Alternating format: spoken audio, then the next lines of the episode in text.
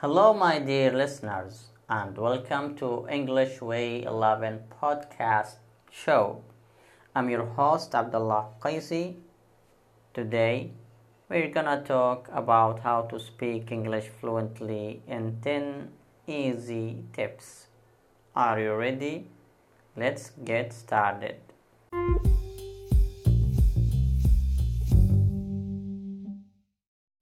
First things first, accept that you can learn how to speak English. Right now, English fluency might seem as distant as a rainbow. But all you need are the right strategies to learn how to speak English fluently and with confidence. Soon enough, your spoken English will sound even better than you imagined.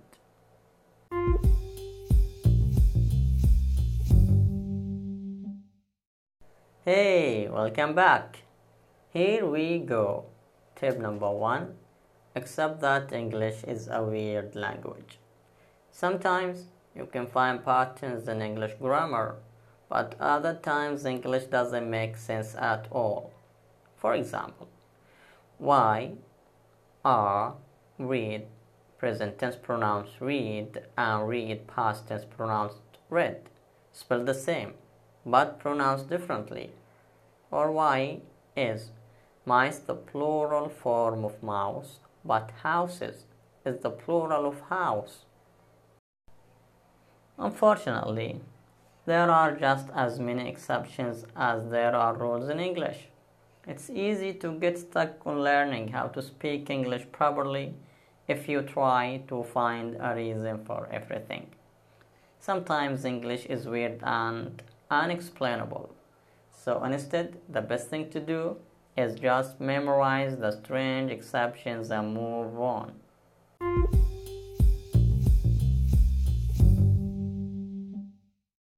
Tip number two dive into the deep end of English speaking. Studying English for an hour once a week isn't usually enough to make in real progress. The best way to quickly improve your English is to spend at least a few minutes practicing every day. Immerse yourself as much as possible every time you study and challenge yourself to listen to, read, and even say things in English that you think might be too difficult for you.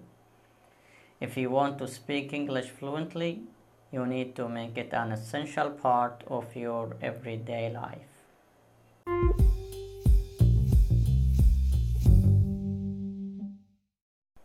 Tip number three, which I really, really like stop being a student. The right attitude can make the difference between failure and success. Stop thinking of yourself as someone who is learning English and start thinking of yourself as someone who speaks English. It's a small change, but it will make you feel more confident and help you to use the English you already know more effectively.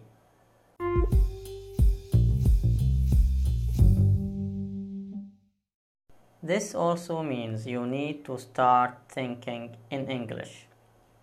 If you want to say the word apple in English, for example, right now, you probably think of the word in your native language first, and then try to think of the correct word in English.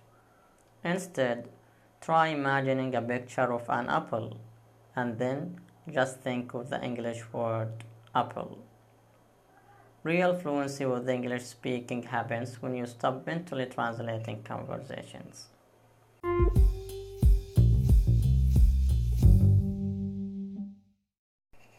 Tip number four Remember the answer is in the question.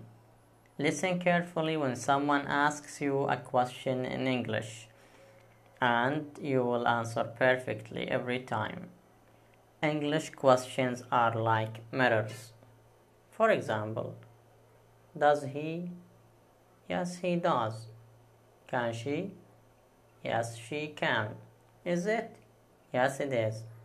If someone asks you a question and you're not sure how to answer, Start by thinking about the words used in the question.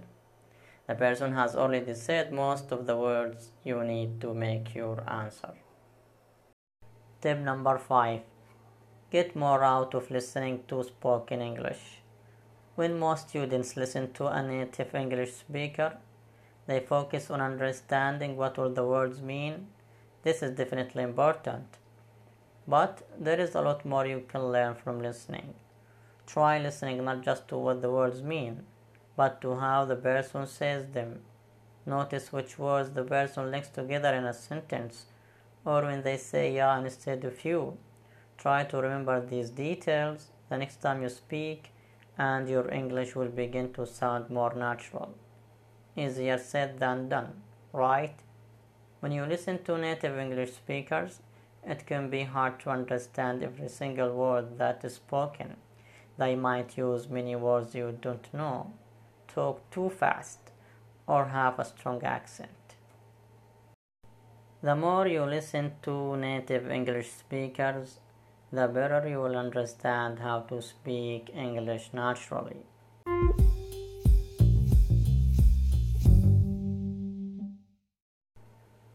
Tip number six, and it's very important use it or lose it.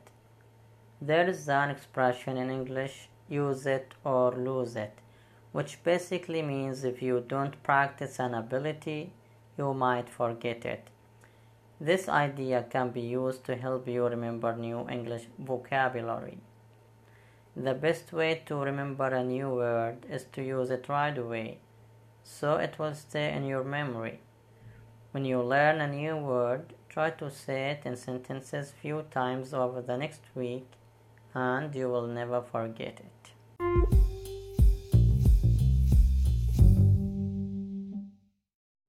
Tip number 7 Learn and study phrases. Speaking English fluently means being able to express your thoughts, feelings, and ideas. Your goal is to speak English in full sentences so why not learn it in full sentences? You will find that English is more useful in your everyday life if you study whole phrases rather than just vocabulary and verbs. Start by thinking about phrases that you use frequently in your native language and then learn how to say them in English.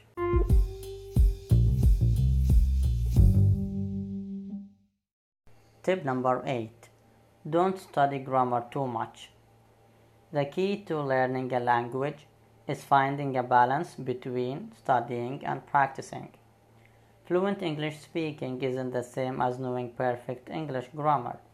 Even native English speakers make grammar mistakes. Fluency is about being able to communicate. That's why sometimes it's important to put the grammar textbook away so you can go out and practice those writing, reading, listening, and speaking skills in the real world.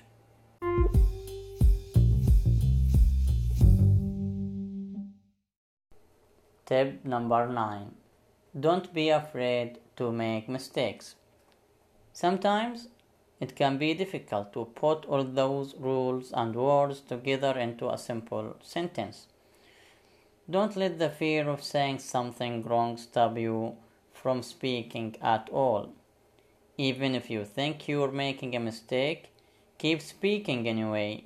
Most of the time, people will understand what you're trying to say, even if you make a mistake.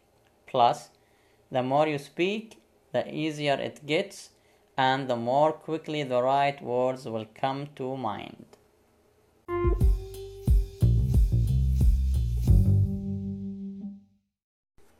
Tip number 10 Focus on how to learn English from everyone. You don't have to only learn English from textbooks and teachers. Anyone who speaks English can help you practice. Imagine how you would feel if someone asked you in your native language how to pronounce something. Would you be angry? Mm, I don't think so. You would probably be happy to help just like most English speakers are happy to help you figure out how to learn English. If you know any English speakers, whether it's a friend or co-worker, take advantage of the opportunity to practice and learn from them. You can also try an online English language exchange to chat with native speakers from anywhere.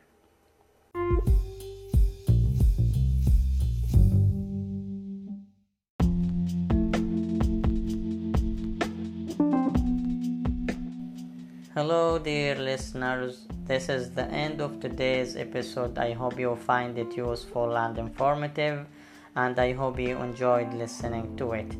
At the end, I have to tell you that if you want something, just work hard for it.